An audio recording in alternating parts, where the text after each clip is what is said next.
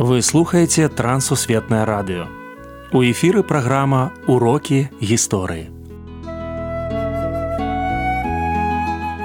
Запрашаем у падарожжа падзей, асоб і фактаў. Вучыцеся разам з намі.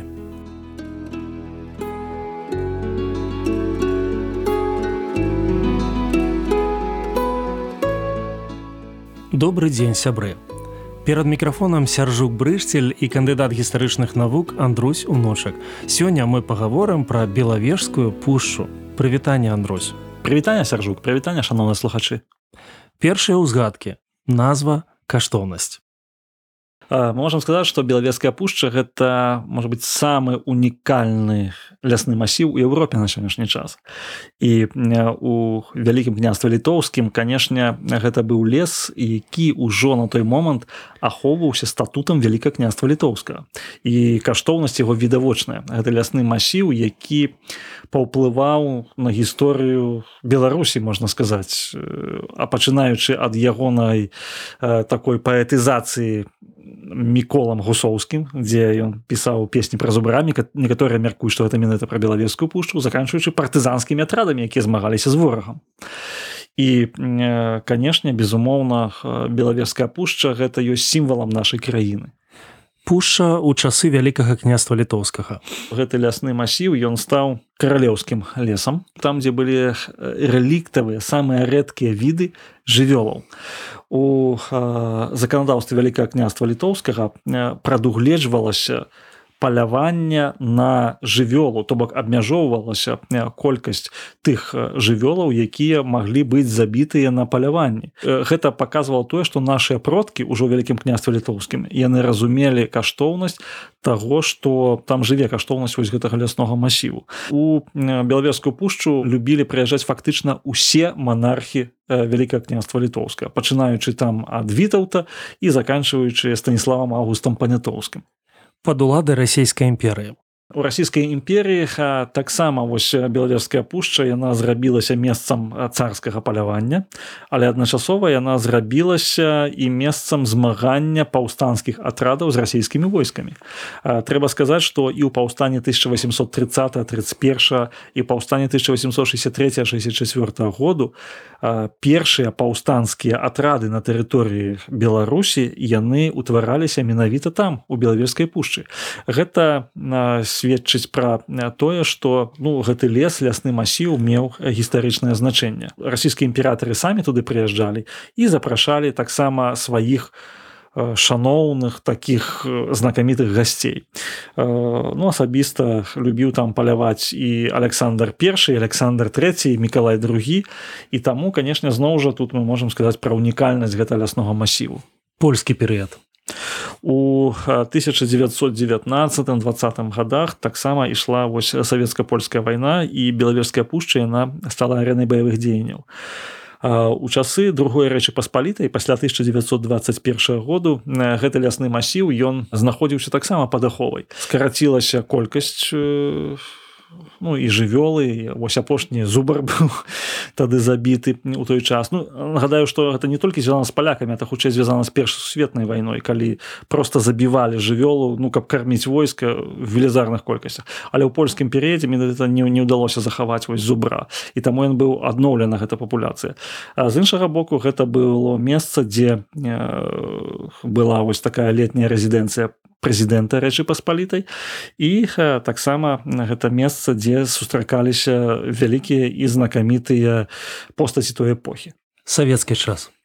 У савецкім часе Польшча і савецкі саюз падзялілі гэты лясны масіў. Частка адышла меншая частка дайшла да Польшчы частка была да савецка саюзу да бСр і па белаверскай пушчы прайшла мяжа вось упершыню прайшла такая дзяржаўная мяжа. І у савецкі час паспрабавалі аднавіць папуляцыю зуброў. Яно здаецца што паспяхова гэта прайшло. І таксама чырвоная кніга была заведзена. Аднак вельмі важны момант што у савецкі перыяд белавежская пушча яна ператварылася ў такі вось ну заказнік парк які вось фактычна у той ці іншай ступені ахоўваўся дзяржавай. Хоць іншага боку ну партыйнае кіраўніцтва пачынаючы там ад мікіты хрушчова які запрасіў там фідэля кастра туды яно лічыла фактычна сваёй сваёй такой уласнасцю. Ну вось працягваўся перыяд расійскай імперыі ў нейкім сэнсе.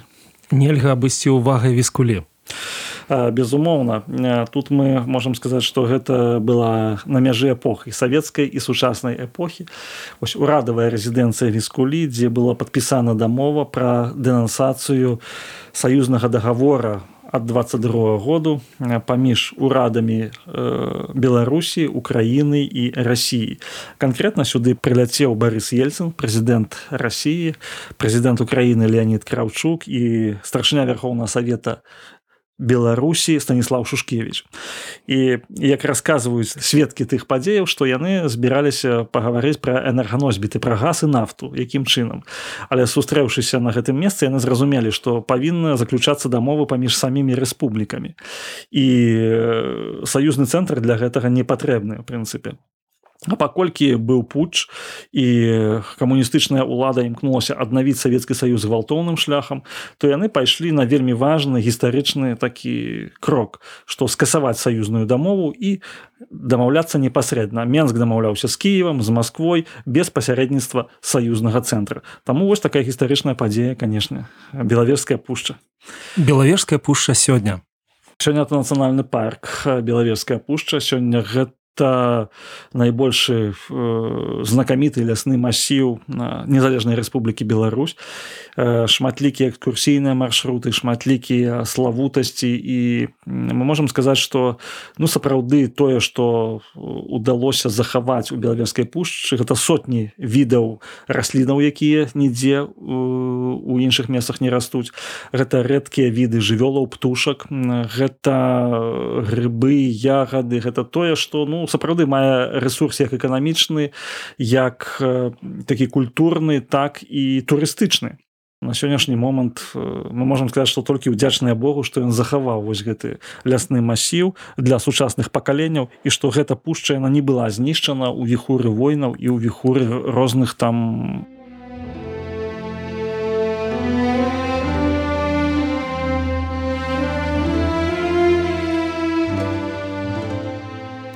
Для мяне белавежская пушча гэта лес, які я наведваў у дзяцінстве, у падлеткавым узросце, з бацькамі, з сябрамі, з калегамі, жонкай і дзецьмі, з гасцямі.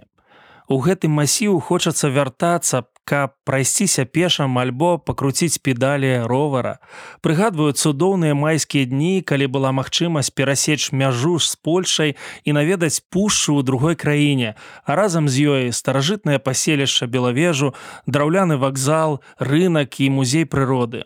Мне падабаецца пушча ў розныя поры года.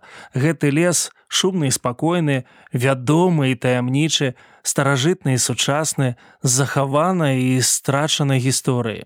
На працягу стагоддзяў неаднойчы зменьваліся гаспадары пушчы, але ўсялякі раз яе веліч і прыгажосць выклікалі пачуцці павагі і клопату. Давайце і мы будзем захоўваць дом для шматлікіх раслін, птушак і жывёл, а таксама лёгкія нашай краіны.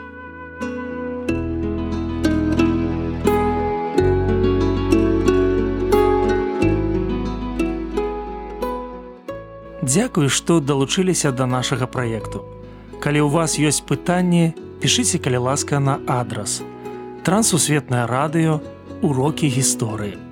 Паштовая скрынка 45, індекс 22 40 20, горад Брест 20, Беларусь.